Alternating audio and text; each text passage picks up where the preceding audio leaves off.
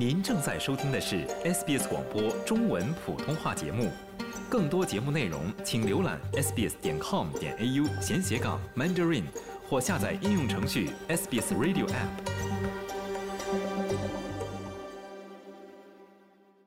My name's Lily. I have been doing Chinese line dancing for one year now, and I've. 我的名字是 Lily，我学习舞狮已经一年了，这是我的第二次表演。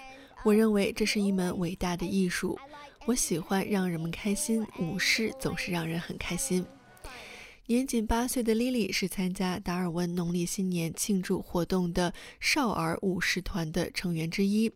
中国新年对于 Lily 来说并不陌生，她每年都会和家人来这里观看农历新年的庆祝活动 came here for a long time. Um, we've came here. 实际上，从很久以前开始，我们就来这里参加庆祝活动了。从我还是个小女孩的时候起，我们几乎每年都来这里。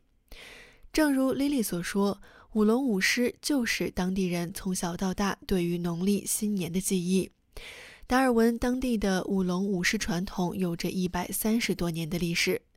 据活动主办方中华会的会长 Roland Chin 介绍，自从达尔文于1887年建立了中国寺庙之后，舞龙舞狮的传统就开始在当地生根发芽。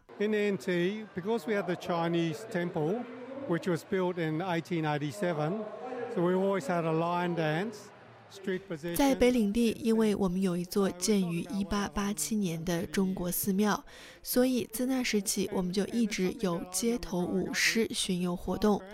所以，我们谈论的时间已经超过了一百三十年，这是我从小到大记忆中的一部分。我的祖父是中华会的一名秘书，他出生在凯瑟琳，那是在一九零一年，所以他年轻的时候也见证了舞狮的场景。比舞狮传统更早的是第一批华人登陆达尔文的历史。一八七四年，第一批华人乘船抵达达尔文。据达尔文中国博物馆馆长和家族历史学家内维尔·琼斯介绍，在最初的一百八十六名男子乘船抵达达尔文之后，达尔文的华裔社区持续不断的发展壮大。Well, on the 5th of August 1874, so that's 150 years ago today, a, a ship sailed into Port 一八七四年八月五日，也就是距今一百五十年前，一艘载有一百八十六名中国人的船只驶入达尔文港。他们是契约劳工，被南澳大利亚政府带到这里，让他们在金矿和公共工程部门工作。这个今天被称为达尔文的城市，在那个时候被叫做帕默斯顿。这就是中国人在达尔文定居的开始。后来，特别是在19世纪80年代，很多人来到这里，为了淘金，也参与到了铁路建设的工作中。达尔文的华裔社区在过去一百多年的历史中不断发展壮大，其中也有不少华裔后来选择与不同族裔的人组成家庭。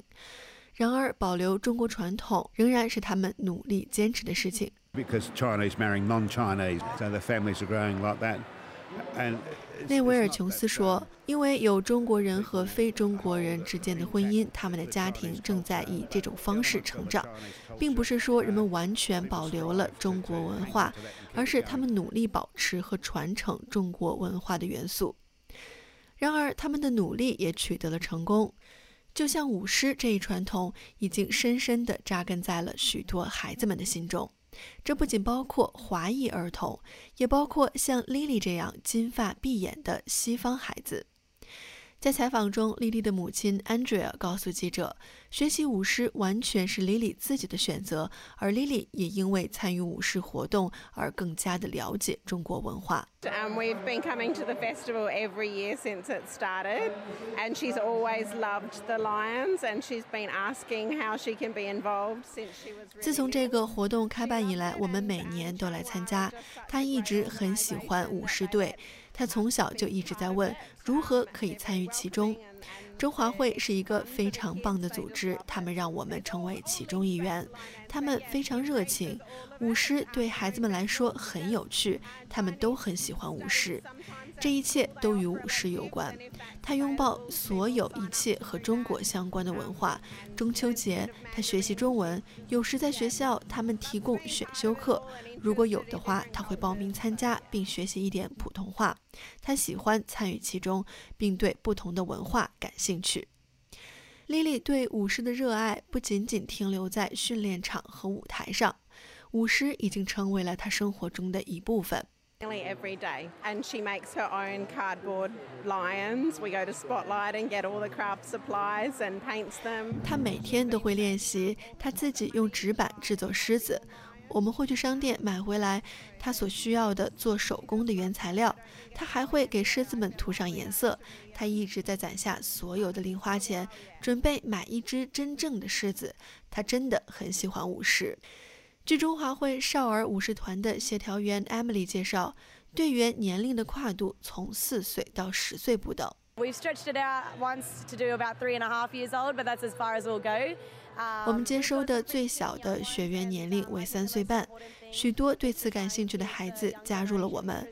我认为培养年轻一代对舞狮的兴趣至关重要。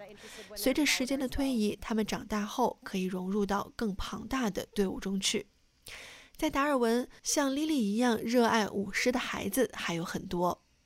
I'm Eric and I'm eight, and now we're gonna um perform the lions. My name is Amelia and I'm six years old. How long have you been practicing lion dancing? A lot of time. A lot of time, one year, two years?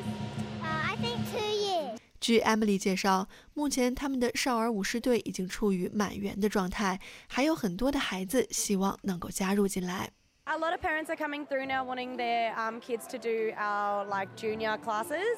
Um, at the moment, 很多家长现在都希望他们的孩子参加我们的少儿班。目前我们可以接收三十个孩子，我们不能接收更多的孩子了。